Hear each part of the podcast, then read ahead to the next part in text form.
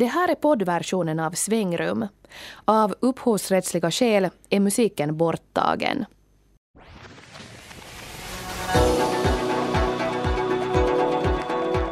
Att sticka eller inte sticka. Idag handlar Svängrum om vaccin och vaccinationsmotståndare.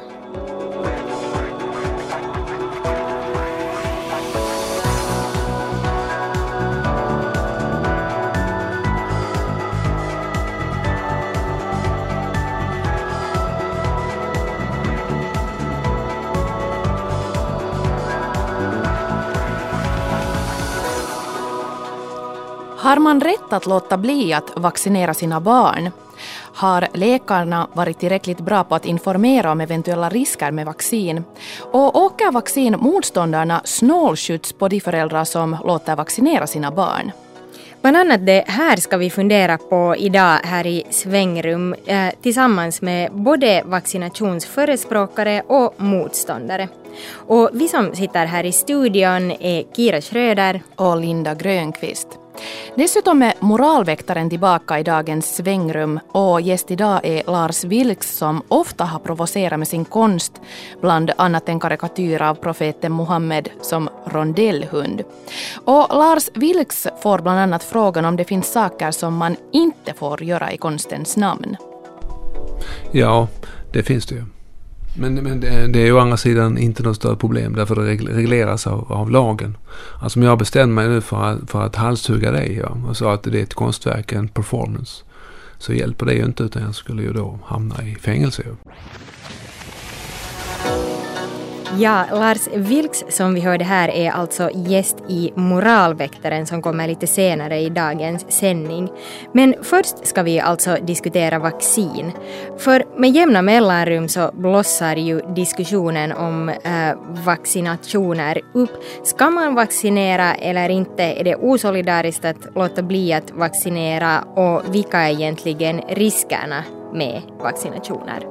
Och vi ska börja med att träffa en av galjonsfigurerna för vaccinmotståndarna i Finland, Linda Karlström i Kronoby. Och hon är inte bara rädd för vaccinernas eventuella biverkningar utan hon menar att det inte finns någonting som helst positivt med vacciner och att all forskning som pekar på motsatsen är mer eller mindre korrumperad. De sållar sina forskningsresultat, de förvränger dem, de pratar osanning. De anlitar spökskrivare, vilket innebär att de anlitar någon som är duktig på att skriva och säga kan du skriva si och så, att om det här vaccinet, att det är jättebra och jätteeffektivt och jättesäkert. Och sen så, så har de erkända forskare att sätta namnet under fastän de överhuvudtaget inte har skrivit det, utan det är liksom spökskrivare. Det här är Linda Karlström, trebarnsmamma bosatt i Kronoby. Det är tidig förmiddag och jag sitter i hennes kök. Vill du ha, du, du har lämnat mjölkflaskan på bordet. Vill du ha mjölk med eller vill du ta en smörgås med? Sonen Hugo är hungrig och får en smörgås med en tjock skiva smör på och en flaska med mjölk från granngården. Så kallad butiksmjölk dricker han inte alls eftersom det smakar äckligt. Men det är inte för att diskutera mjölkindustrin eller LCHF-dieten som jag har kommit till Kronoby. Linda Karlström är nämligen för de flesta i nejden främst känd som en av de främsta vaccinkritikerna. Alltså hela, hela historien fick sin början med att min äldsta dotter eh, blev sjuk när hon var två år gammal. Eller egentligen blev hon sjuk redan innan, när hon var ett och ett halvt, när hon blev riktigt dålig. Hon blev efter den här MBR-sprutan då vid 18 månaders ålder och hon var sjuk ett halvår. Och vi gjorde ingenting annat den där vintern än sprang till läkaren och åt mediciner och ingenting blev bättre. Och sen när det blev till sommar och hon var fyllde två så upptäckte min man en stor knöl på hennes bröstkorg. Och det här blev ju sen en riktig berg och dalbana innan vi fick besked om vad det var och vi blev skickade till högre och högre instanser och till sist hamnade vi då på Uleåborgs universitetssjukhus och där de då kunde konstatera att det var en tuberkulosinfektion förorsakad av det här kalmettvaccinet som hon hade fått på BB när hon var nyfödd. Så två år senare fick hon alltså tuberkulos på grund av det här vaccinet. Men att det var liksom inte för mig så här att jag direkt bytte inställning till vaccin. Att jag var ju liksom alla andra helt indoktrinerad med att vacciner har räddat liv och vacciner gör att inte vi har några sjukdomar idag. Och, och det här och det är ju självklart att man ska vaccinera sina barn. Så att för mig var det bara att no, men det var just det här vaccinet som kunde ha en allvarlig biverkning men alla andra tänkte jag ju var helt jättebra. Så det tog nog sen ännu många månader innan jag liksom verkligen förkovrade mig i litteraturen och forskningen och historiken om vacciner. Och, och det var först då som det liksom började gå upp ett ljus för mig och jag blev väldigt förfärad måste jag säga. No, um ehm, kan du se någonting gott alls med vacciner? Nej, inte idag något mera. Nej, det kan jag inte. Linda Karlström ser det numera som sin uppgift att sprida vaccinkritisk information till allmänheten. Och det gör hon med besked. I december skapade hon tillsammans med några andra vaccinmotståndare i Norden webbsidan vaccin.me som samlar information om vaccinernas skadeverkningar och riktiga berättelser om vaccinskador. Främst bygger argumenten mot vaccin på att forskning och siffror är köpta av vaccintillverkarna och att man medvetet sprider falsk information om vacciner både då det gäller hur väl de fungerar och vilka risker de medför. Dessutom vill hon spräcka hål på myten, som hon kallar det, om att vaccinerna skulle vara orsaken till att vi utrotat flera farliga sjukdomar i Finland. Alla de här sjukdomarna som vi idag vaccinerar mot försvann med cirka 90 procent innan vaccinerna överhuvudtaget gjorde intrång på marknaden. Så att den här nedåtgående trenden var så otroligt uppenbar. Men när de här kurvorna sen redovisas från från sjukvårdens håll och från myndigheternas håll så väljer de att kapa de här kurvorna strax innan vaccinet introducerades, vilket gör att man får ju inte alls hela bakgrunden. Man ser en fallande kurva som faller brant efter att vaccinerna har kommit på marknaden. Men det är bara det att den där kurvan har ju fallit så där brant i, i kanske 50 år redan innan vaccinerna.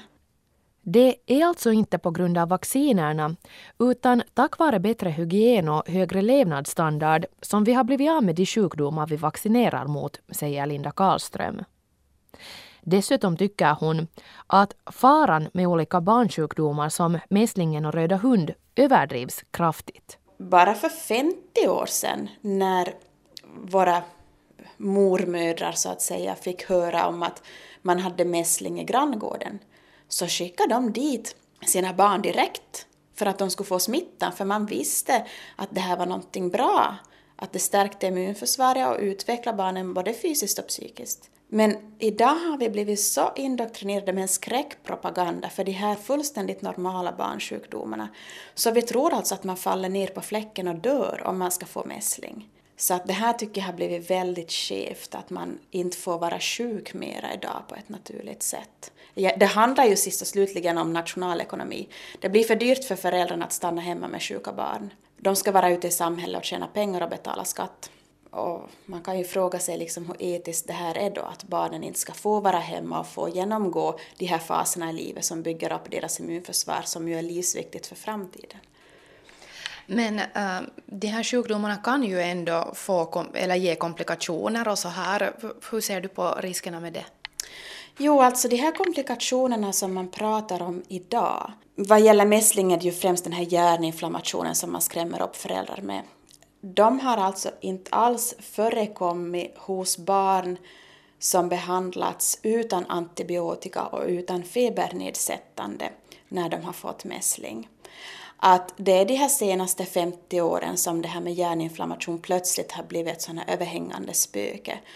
Och man ser tydliga kopplingar och det finns mycket forskning som visar att det har enbart att göra med behandlingen av sjukdomen. Det är inte själva sjukdomen i sig, utan det är hur man behandlar den. Och idag så ska ju allting med makt undertryckas med febernedsättande. Och febern är ju kroppens vän, för att det är febern som ser till att de här främmande mikroberna slås ut. Så att där får man undra att, att vad har de åstadkommit egentligen, de här febernedsättande preparaten och antibiotikan som skrivs ut i tid och otid, fastän det inte ens är en bakterieorsakad sjukdom. Vad säger du till dem då som menar att uh, genom att inte vaccinera mm, eller delta i den här vaccineringen så riskerar man att rasera då hela det här uh, kollektiva immunförsvaret som vi har byggt upp i Finland och lyckas utrota nästan alla de här sjukdomarna? No, det där är ju just den här vad ska man säga, fördomsfulla grundinställningen som vi har. För det första tror vi att den så kallade flockimmuniteten som du hänvisar till, vi tror att den alltså är allrådande och existerande, medan all forskning som har gjorts kring den här flockimmuniteten, som alltså är oberoende forskning, alltså inte utförd av läkemedelsbolagen, visar att det här är ett fenomen som inte existerar egentligen. Det finns ingen sån här flockimmunitet utan det är någonting vi inbillar oss bara. Så att, och sen så brukar jag säga så här, men om nu vaccin är så effektivt och bra, vad spelar det då för roll om mina barn är ovaccinerade? Alla andra får ju gå och vaccinera sig så behöver de ju inte vara rädda för någonting alls. Men det är väl där de kommer in och säger att det bygger på att, att tillräckligt många ska vara vaccinerade? Ja, men då säger jag så här, men antingen funkar väl vaccin eller så funkar det inte. Vad spelar det för roll om 99 stycken är ovaccinerade och sjuka i mässling? Om en enda är vaccinerad så blir väl inte den här personen sjuk då, eller hur? Ja, det här sa alltså vaccinationsmotståndaren Linda Karlström. Och nu har vi med oss här i Svängrums studio Christer Holmberg som är barnläkare och professor. Välkommen hit. Tack. Uh, hur reagerar du på den här intervjun med Linda Karlström? Som barnläkare och som en som hör till den generationen som har sett de här sjukdomarna, som har sett barn dö i de här hjärnhinneinflammationerna, som har sett röda hund fosterskador hos nyfödda, som har sett mässling liksom på riktigt, så, så blir jag ju nog alltid lite deprimerad när jag hör något sånt här. Jag tycker ju själv, vi har ju undertecknat deklarationen om barnets rättigheter. Och jag tycker att barn i Finland har rätt att få det här basskyddet och inte utsättas för de här, de här sjukdomarna. Det är ju klart att till exempel mässling det dödar ju 350 000 personer i världen årligen och det är ju klart att, att, att de här flesta dödsfallen i utvecklingsländerna var, var det här allmäntillståndet är sämre. Men att också hos oss så, så, så, kan man dö, dö eller bli svårt sjuk i mässling. Man hade ju här nyligen i Sverige icke-vaccinerade patienter som, som då fick mässling för att det var utlänningar som var på besök, de fick den där smittan. Eftersom man inte ser det nu för tiden mer så kände inte läkarna igen det och en av de här dog. Så att det är inte riskfritt att nu låta bli att vaccinera, man kan ändå få smitta. Mm. Och sen handlar det väl inte bara om barnen utan också till exempel om de gravida mödrar som har... Äh, som, som med röda hund till mm. exempel, mm. ja. Jag kommer, jag kommer mycket, mycket väl ihåg de här fosterskadorna som man såg då när vi inte hade den här grundvaccineringen för röda hund. Men jag tycker att man lite här, ibland roddar man ihop för att vi har ju vissa i de här basskyddet och det var ju det som det var fråga om i den här intervjun.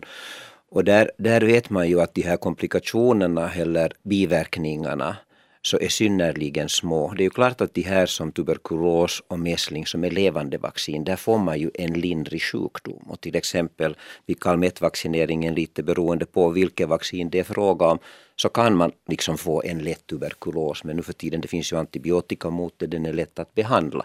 Så det är inte alls att jämföra med de här på det sättet de här, de här forna tiders. Men annars är det vanligtvis allergiska eller feberreaktioner man får. Att sen finns det de här andra vaccinerna, bland annat har ju förstås nu den här eh, som har de här influensavaccinerna som har varit väldigt mycket på tapeten och det är nu sen en helt annan sak. Jag menar det kan man sen diskutera att vem ska ta det och ska man ta det och i vilken ålder ska man ge det. Men med de här, det här basskyddet så, så det är nog tryggt. Och det tycker jag att barnen har rätt att få i Finland också Linda Karlströms barn, tycker jag, har den rätten. No, Linda Karlström sa ju också ungefär så här, eller vi talar om den här flockimmuniteten som hon då menar att, att det är ett påhittat begrepp, att det finns inte på riktigt. Och så ställde hon frågan då att om de här vaccinerna fungerar då så bra, vad spelar det då för roll om hon låter bli att vaccinera sina barn? Att borde de inte ändå skydda de som är vaccinerade? Vad svarar du på det? Förstås om, man låter, om, om några låter bli att vaccinera sig så om de inte reser mycket, om de håller sig bara i Finland var vi har, en, var vi har då liksom en, en viss immunitet och de där sjukdomarna inte finns så då riskerar ju barnen inte så hemskt mycket. Men om de sen om de reser eller de träffar utlänningar som är sjuka, nu har vi ju ganska mycket invandrare till exempel, vi har ganska mycket från vårt östra grannland, där är ju tuberkulos till exempel mycket vanligt och det där, och då, så att vi är ju inte liksom immuna mot den här, mot den här smittan. Så att det, man kan inte liksom rida på det här att, att de flesta är vaccinerade och då har man ingen risk. Om man nu tänker på ett barn så inte vet man ju som förälder vad det där barnet kommer att göra som äldre. Var det kommer att bosätta sig, var det kommer att vara. Så att nu tycker jag att man liksom gör en björntjänst. Att sen när barnet är fullvuxet så kan det ju själv bestämma vad det vill göra. Men jag tycker egentligen tycker jag inte att föräldrarna har rätt att låta bli att ge det här basskyddet. Mm. Nu för tillfället är det ju så att man rekommenderar kraftigt att man ska ta just de här vaccinationerna som, eller vaccinen i det nationella vaccinationsprogrammet. Men det är inte obligatoriskt. Tycker du att det borde vara det i Finland?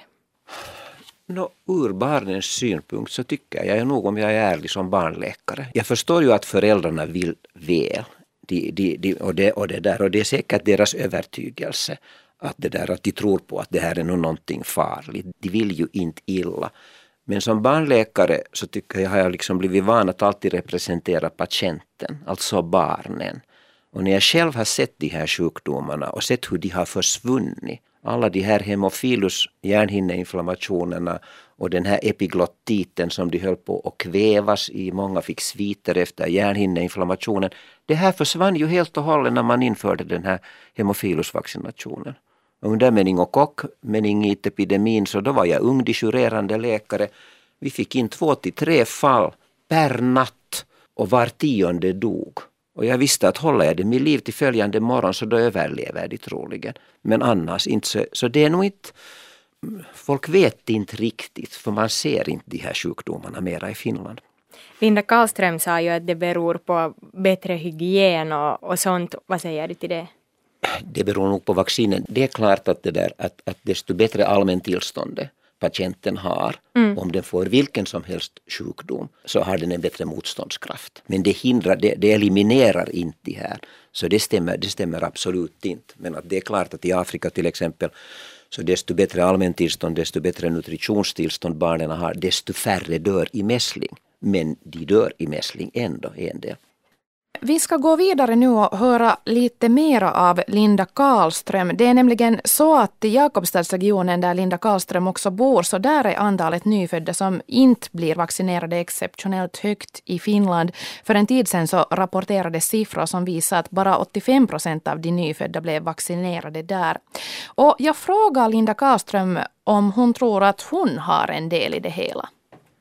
Ja, nog tror jag det. Jag vet ju jag har ju hållit föreläsningar och, och det här, jag har varit aktiv i media, så nog vet jag att jag har haft ett visst inflytande. Men, men det vill jag ju understryka att lika tokigt som det är att vaccinera sina barn bara för att man säger det på rådgivningen, lika tokigt är det att inte vaccinera sina barn därför att jag har fört fram vaccinkritisk information.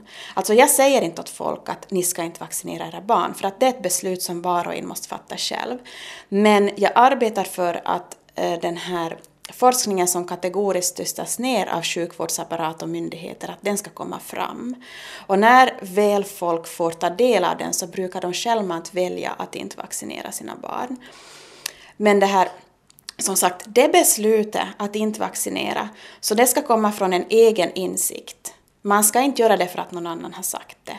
No, vilket ansvar känner du då om då föräldrar ändå lyssnar på dig och sen låter de bli att vaccinera sina barn och så kanske de blir väldigt sjuka då i någon av de här sjukdomarna?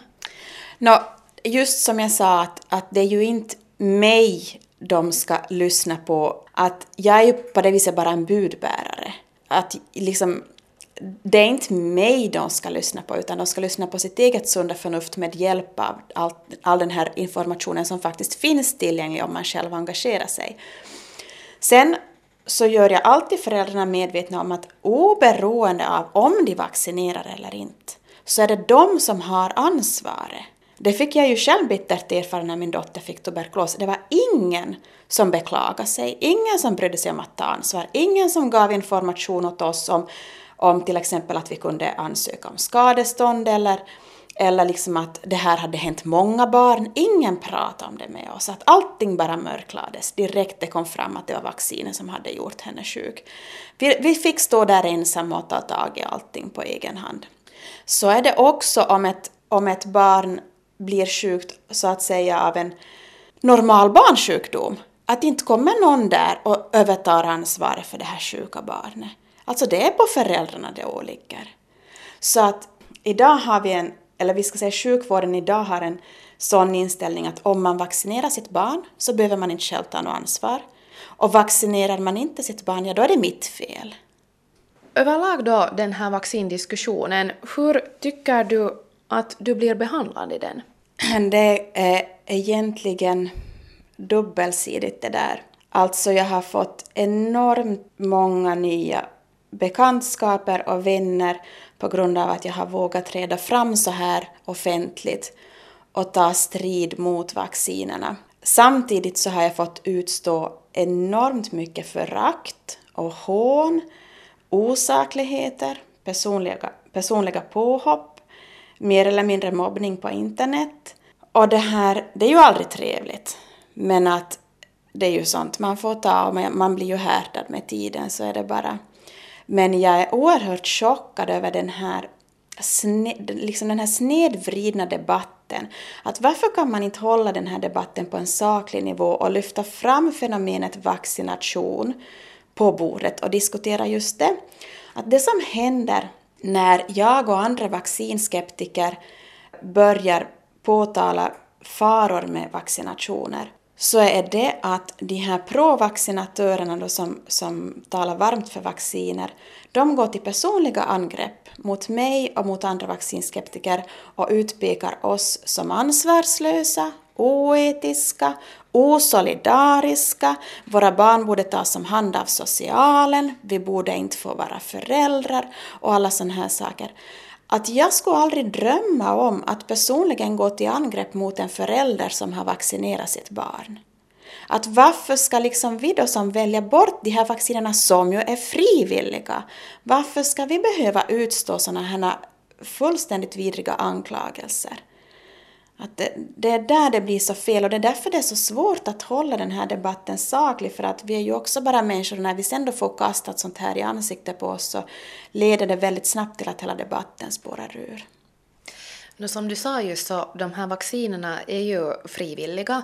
Eh, du skulle ju ha möjligheten att så att säga i det tysta bara låta bli att vaccinera dina barn. Varför väljer du då att, att så att säga ta den här striden och bli utsatt för allt det här som du just sa? Ja, det är en jättebra fråga det där och visst har jag ibland ställt mig den frågan själv också. Men jag har sagt så här, alltså jag skulle inte kunna se mig själv i spegeln på kvällen och vara nöjd och gå och lägga mig med ett gott samvete. Om jag inte skulle göra allt jag hinner och orkar och kan för att sprida den här viktiga informationen. För att det här är information som föräldrar annars inte får. Och jag har sett vilka otroliga ödesdigra konsekvenser det får för vissa familjer, egentligen väldigt många familjer, i form av vaccinskadade barn. Alltså jag kan inte vara tyst. Det, det är mitt samvete som driver mig. Vad är då ditt mål? Jag kan inte säga att jag har ett slutgiltigt mål i form av några konkreta siffror hit eller dit på det viset, utan mitt mål är bara att nå ut till så många som möjligt och att försöka bemöta individen. Att idag har ju sjukvården liksom ingen riktig sån här individuell syn, utan det handlar mycket om att eh, man kör med en sån här massmetod och den ska då tillämpas på hela befolkningen. Och sen att vissa blir jättesjuka och andra inte blir så sjuka, så, så det är liksom inte så viktigt. Att jag vill se till den enskilda individen att är det någon som ringer mig för att berätta om deras raserade liv på grund av en vaccinskada, så kan jag lyssna på den här människan i en timme. Och, och den här människan är så oerhört tacksam bara för att den äntligen har fått berätta för någon som orkar lyssna. För att alla läkare de har sprungit till så har en tid på tio minuter och sen är det att de oftast blir förklar, får en diagnos att det är någonting psykiskt och så vidare. Så jag, liksom, jag jobbar mycket på det viset personligt, att jag tar mig tiden att besvara alla personliga mejl och lyssna på alla röster och, och det här. Och det är det här jag önskar lite att dagens medicinska sjukvård skulle övergå till istället för att köra det här löpande bandmetoden. Här hörde vi alltså vaccinationsmotståndaren Linda Karlström. Och jag vänder mig igen till vår gäst här i studion, professor Christer Holmberg som är barnläkare. Linda Karlström här talar om att, att läkarna inte upplyser oroliga föräldrar om riskerna med vaccin i tillräckligt hög grad. Vad säger du till det? Jag måste säga att när jag lyssnar på det här senaste avsnittet så funderar jag väldigt mycket att, att varför gör Linda Karlström så som hon gör? Hon måste ju ha någon dålig erfarenhet någonstans eftersom hon föreställer sig att liksom alla läkare och medicinare vill illa och de här spökskrivarna och något sånt som ju är fullständigt fria fantasier, något, något sånt är ju ingenting i det som hon beskriver där som stämmer. Men någonting måste ju ha upplöst, alltså utlöst att hon inte litar på hälsovården och på läkarna. Jag har ju själv varit undervisningsdekan vid Helsingfors universitet så jag har ansvar för läkarutbildningen. Och där satsar vi ju väldigt mycket på den här läkar-patientkontakten.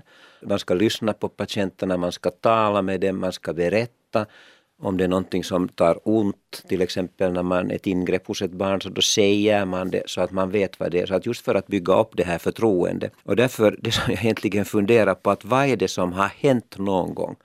Vilken är den erfarenheten? Det här med det här tuberkulos, det är ju känt att Calmetvaccin vaccin är det, det. Man ger ju lite tuberkulos åt barnet och vanligtvis får man den här grundimmuniteten men ibland kan det bli en liten varböld och så ger man antibiotika och så går det liksom bort det där. Men allt det här så vet man egentligen och, och det där och berättar.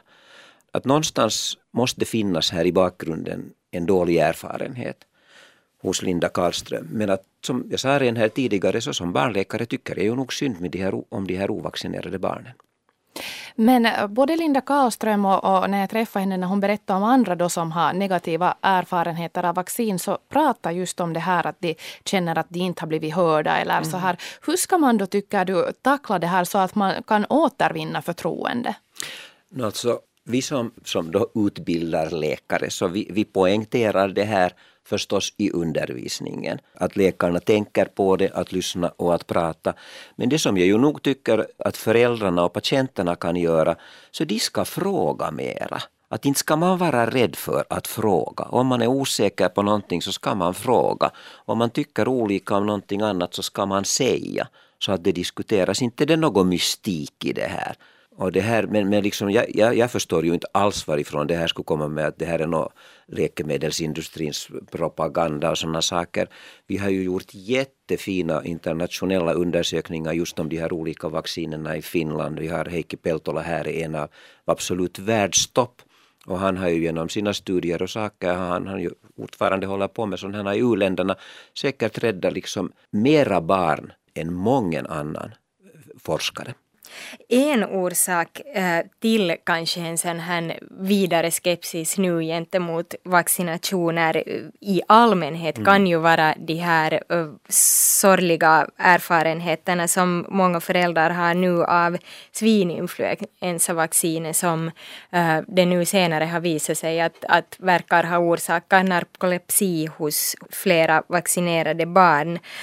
Vad tycker du, det här är ju ett, ett annat vaccin än, än de vaccin som vi kanske hittills har talat om, de, de här basvaccinerna i det nationella vaccinationsprogrammet, men tycker du att, att läkarna tacklar folks oro gällande det här specifika vaccinet med de här påvisade negativa följderna på ett dåligt sätt, att det kan smitta av sig på, på folks inställning till, till vaccin i allmänhet. Jag tycker det är väldigt ledsamt det här med, med det här eh, svininfluensan och det här narkolepsi för att det utlöser det just att man, man liksom att tycker att alla vaccin är samma. Men vi, mm. jag tycker att vi ska hålla klart åtskiljs den här basimmuniteten och de vaccinerna som man vet att de är trygga och de är bra och de behöver man. Och sen är det de här andra. Och det här, det här är ju ett väldigt, väldigt svårt kapitel det här med, med den här svininfluensan.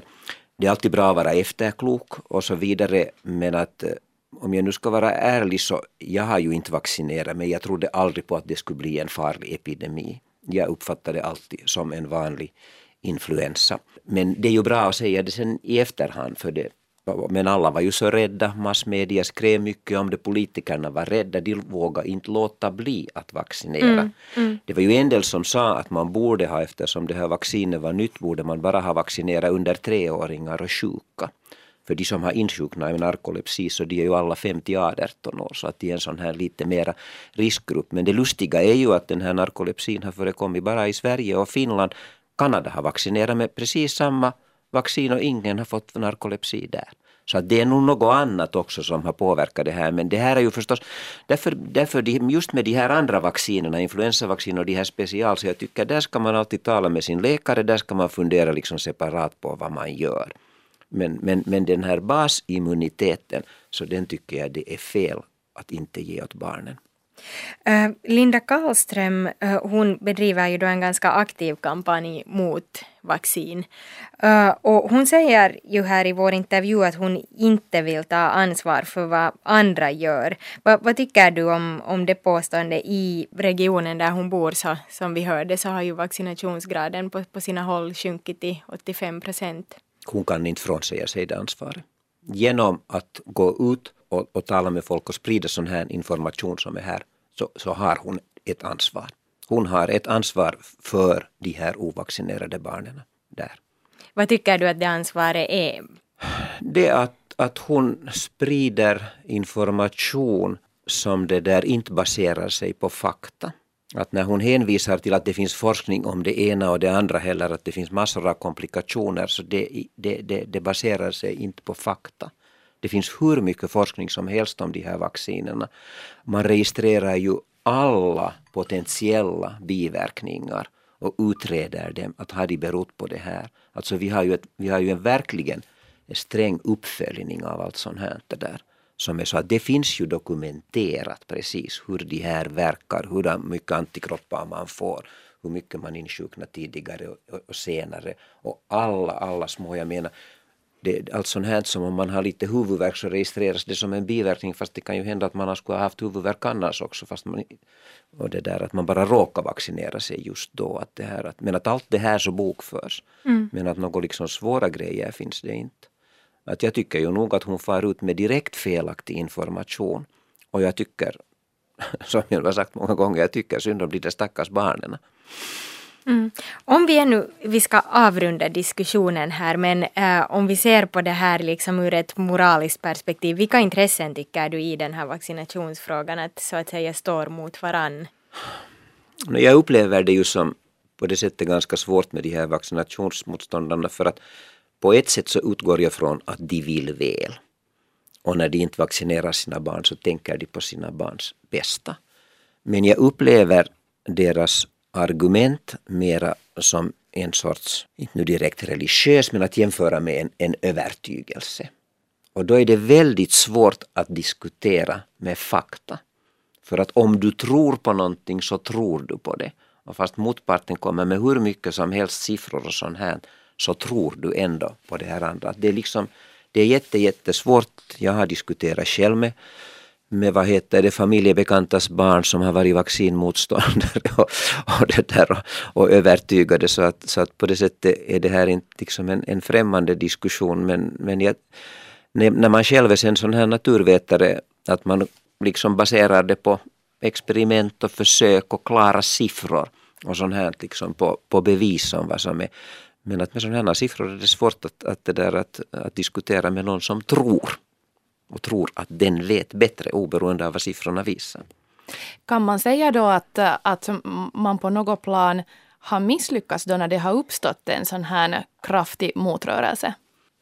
Säkert måste man ju säga det att nu, nu, nu kanske läkarkåren måste lite se sig i spegeln ändå. Att det där att att nu är det ju den information som man ger på rådgivningarna redan under förberedelserna för, för förlossningen, alltså mödrarådgivningarna och, och det där och, och sen på rådgivningarna i samband med kontrollerna där och sånt där så, så borde man säkert tala mera och, och berätta mera. Ja, det kan ju hända att, att man anser att det här är så självklart på något sätt att man sen inte riktigt tänker, tänker på det och, och det där och, och sen om det om barnet får något symptom som föräldrarna uppfattar som en biverkning av vaccinationen så borde man ju nog liksom verkligt noggrant gå igenom det och diskutera det.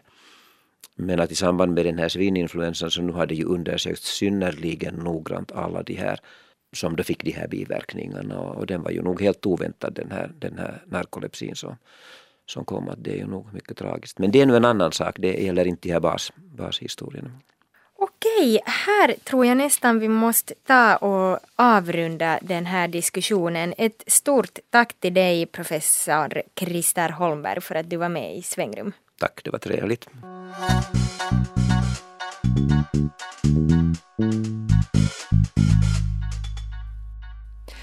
Du lyssnar på livsåskådningsprogrammet Svängrum och nu är det dags för ett av de populäraste elementen i det här programmet. I Moralväktaren låter vi samhälleligt intressanta personer svara på frågor om etik och moral. Och sen så analyseras deras svar av Svängrums husfilosof, men inte i termer av rätt eller fel, utan han tittar snarare på det här hur väl de argumenterar för sin åsikt. Och gäst i veckans moralväktare är Lars Vilks som är svensk konstnär och debattör. Och han har ofta uppfattats som ganska så kontroversiell, bland annat på grund av en teckning av profeten Muhammed som rondellhund och för att han har uppfört konstverk i naturreservat utan bygglov. Och på grund av diverse mordhot så lever han under ständigt beskydd av den svenska säkerhetspolisen, alltså Säpo, också i sitt hem i södra Sverige där vår medarbetare Johanna Minkinen träffade honom. Lars Vilks, du ska vara med i Moralväktaren och svara på frågor om moral och etik. Hur känns det inför det här? Jag eh, tycker nog att jag är ganska rutinerad. Så att jag, har varit, jag har varit med om många saker alltså som, som konstnär, konstteoretiker och annat. Alltså, så jag tycker väl att det är bara spännande. Du är själv konstnär, en ganska omstridd konstnär. Eh, vad tycker du, är konsten ett forum där alla åsikter ska få komma fram oberoende av hurdana de är? Ja, så enkelt är det ju inte. Utan det är ju fråga om vad som kan vara intressant att ta fram.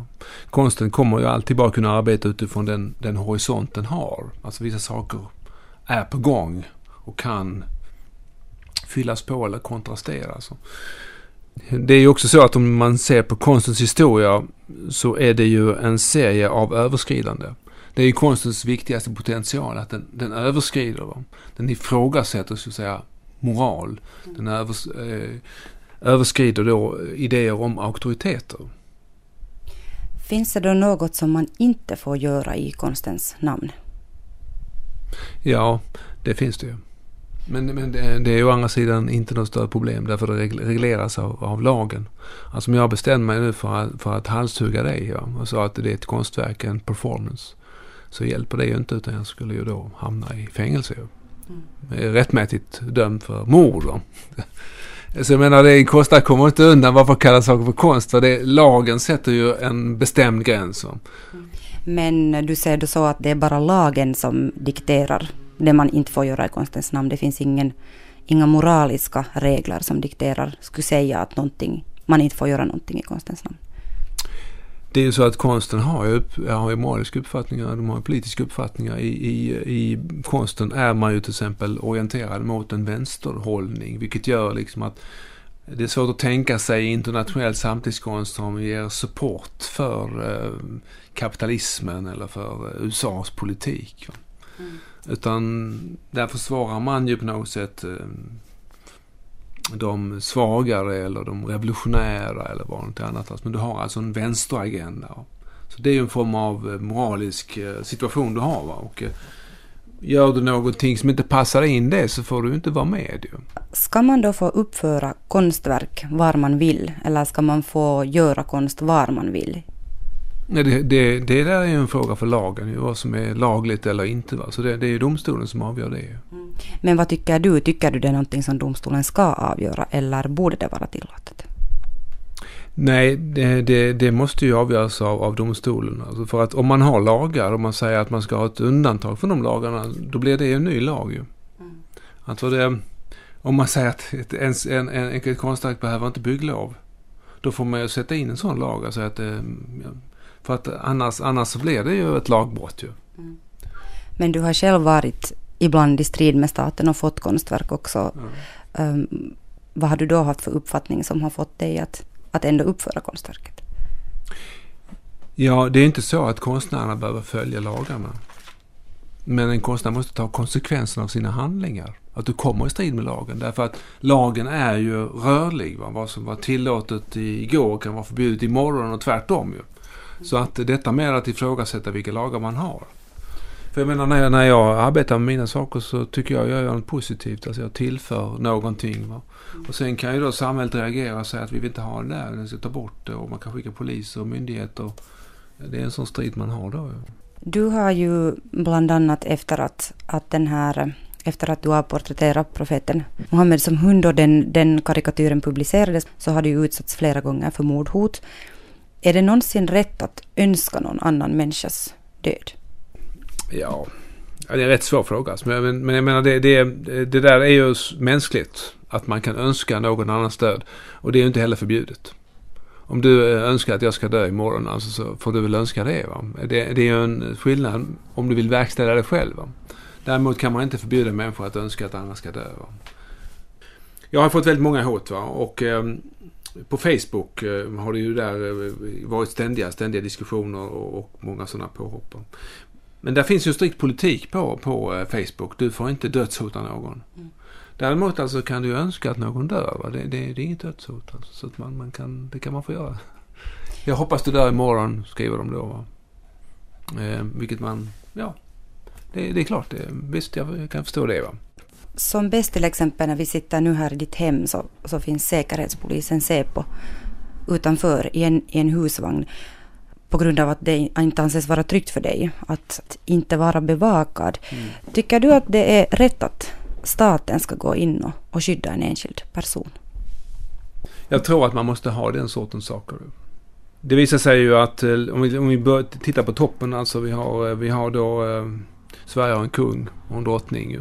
Vi har ministrar. Om de inte skulle ha någon som helst livvaktsskydd alltså, så, så är det ju riskabelt. Alltså, vilket vi har sett. Alltså, Palme blev skjuten. Va? Och i och med att du har sådana händelser, de inträffar på många andra platser. Eh, så tror jag inte man kan komma ifrån alltså att eh, det vore väldigt besynnerligt om inte man skulle ta det på allvar. Va?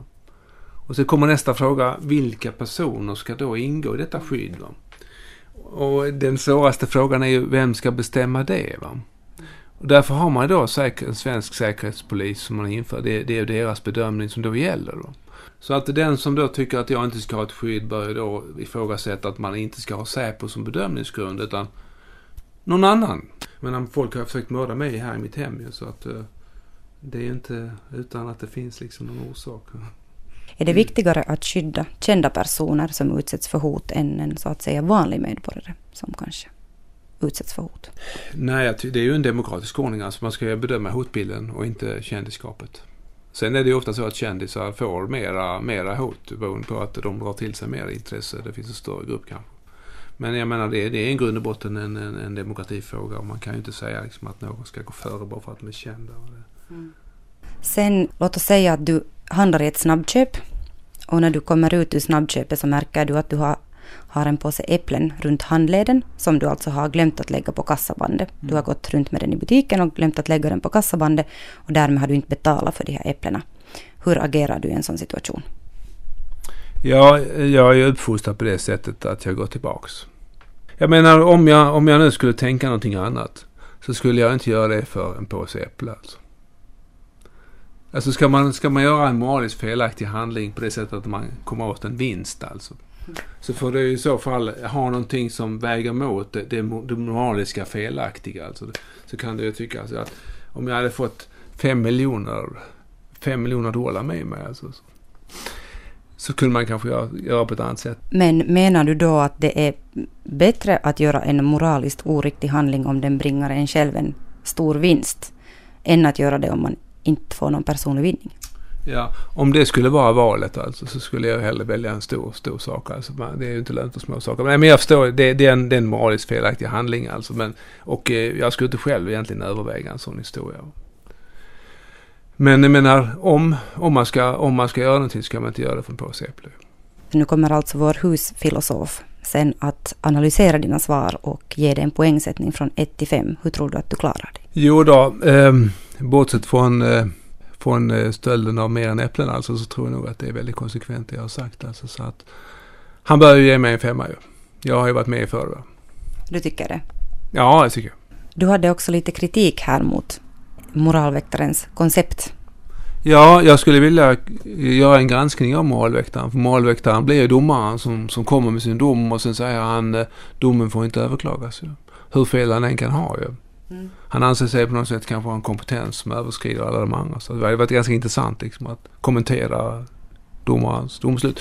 Så det är alltså så att du tycker att du också borde få ge poäng åt vår husfilosof? Att inte bara han ska få poängsätta dig? Obetingat.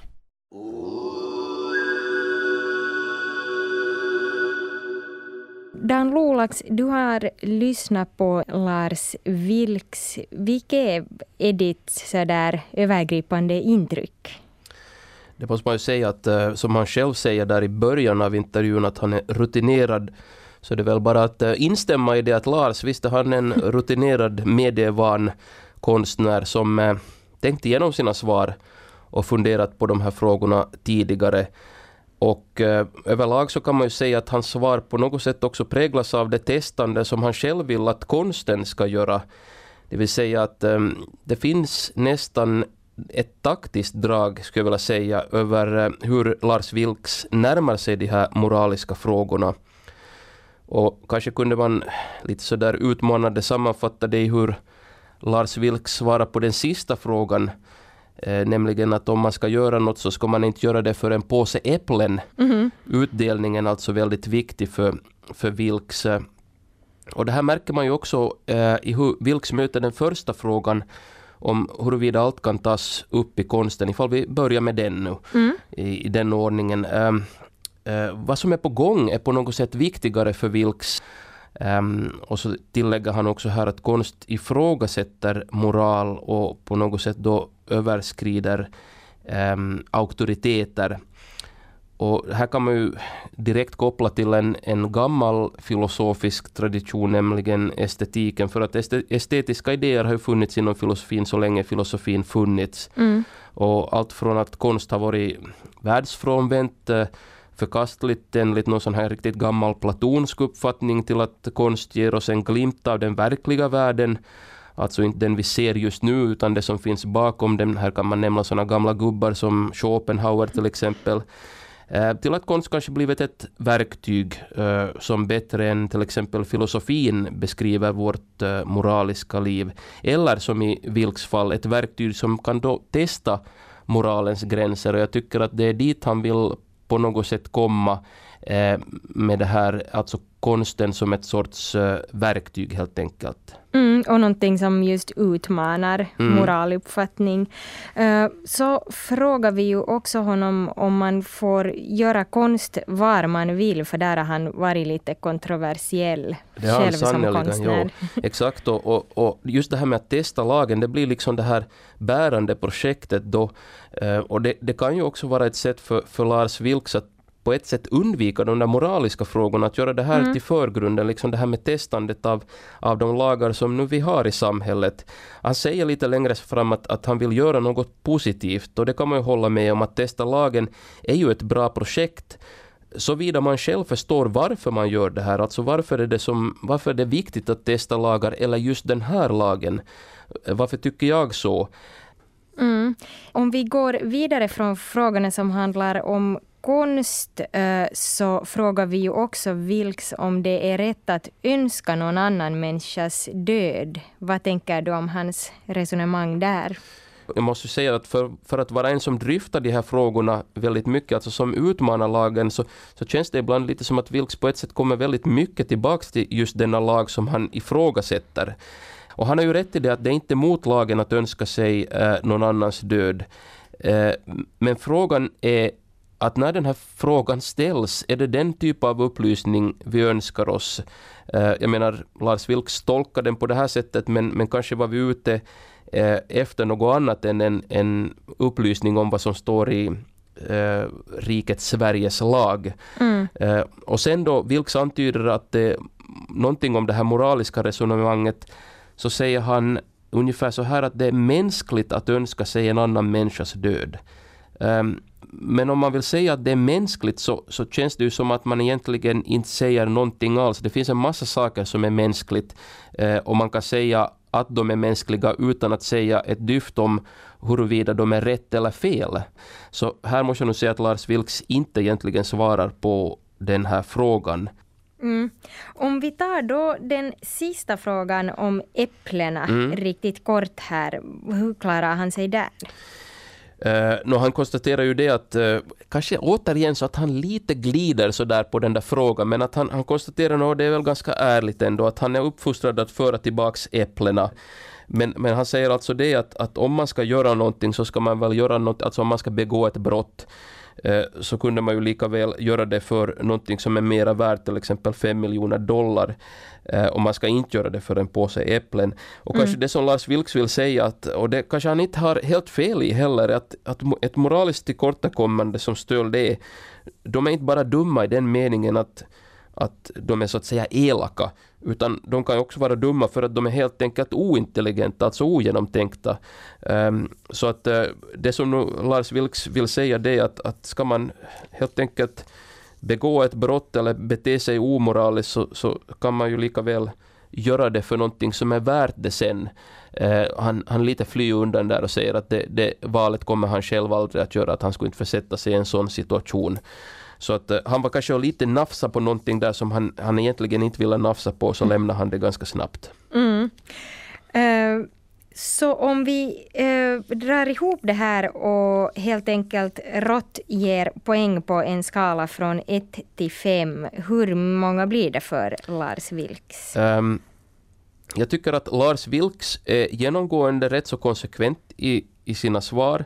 Alltså han är konsekvent i det att han undviker eh, sig själv, sin egen moraliska roll i de här resonemangen. Och, han pratar ju då väldigt mycket om att testa lagen och, och invänta resultat. Han testar lagen i egenskap av konstnär och så ser han då vad samhället tycker. Och på det sättet så bidrar han också till en samhällelig diskussion. Han är konsekvent på det sättet samtidigt som jag inte kan uh, lite få den där känslan av att han, han lite undviker frågan ibland också, kanske inte uh, ger direkta svar på frågan. Så för det här så ger jag Lars Vilks en stark fyra. En stark fyra alltså. Eh, det skulle ju vara intressant nu att veta om Lars Vilks är nöjd med det här, för han var ju lite kritisk till att du i egenskap av Svängrums husfilosof så här enväldigt får eh, betygsätta hans moraliska argumenterande. Vad säger du till den här Ja, han var ju lite sur där nästan och mm. det där kändes lite som en utmaning. Så att jag säger bara Bring it on Lars. Det är bara att eh, komma in på bloggen och, och kommentera den här eh, den här analysen som jag nu ger och, och jag tycker att eh, han får jättegärna göra det i, i, form av ett inlägg eller så kan han göra en teckning av mig ifall han hittar en bild på mig. Det skulle jag se som en, eh, en stor heder också. Men jag tycker absolut att ifall Lars Vilkse är, är redo och villig att fortsätta den här diskussionen så kan vi mycket gärna göra det till exempel på bloggen. Jättefint, det ser vi fram emot och vi hoppas att Lars Vilks faktiskt kommenterar där. Tack ska du ha Dan Lolax, Svängrums husfilosof, för det här. Tack för det. Svängrum slutar idag här, men vi är naturligtvis tillbaka igen nästa vecka. Och då ska det handla om inställningen till pengar och konsumtion. Och vi träffar då bland annat en ung kvinna som bokför precis alla sina utgifter i Excel-tabeller. Men fram till dess så får ni gärna gå in på vår blogg på svenska.yle.fi svangrum och skicka också gärna e-post om vad ni har tyckt om dagens sändning eller vad ni skulle vilja höra i kommande svängrumprogram. Då är adressen svangrum.yle.fi. Vi hörs igen nästa vecka. Hej hej! Hej!